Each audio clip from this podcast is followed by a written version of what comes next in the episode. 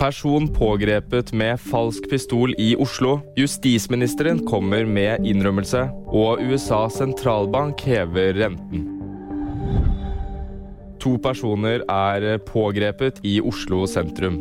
Politiet hadde fått flere meldinger om at en av dem hadde en pistollignende gjenstand synlig inne på et eh, utested. De ble pågrepet noen kvartaler unna i besittelse av det politiet mener er en ikke-funksjonell pistol. Justis- og beredskapsminister Emilie Enger Mehl innrømmer at hun hadde TikTok på tjenestemobilen. Mehl bekrefter i et intervju med TV 2 at hun hadde TikTok på en ugradert tjenestemobil i fjor høst.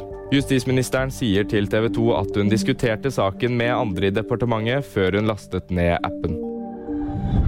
Den amerikanske sentralbanken setter opp styringsrenten med 0,25 prosentpoeng.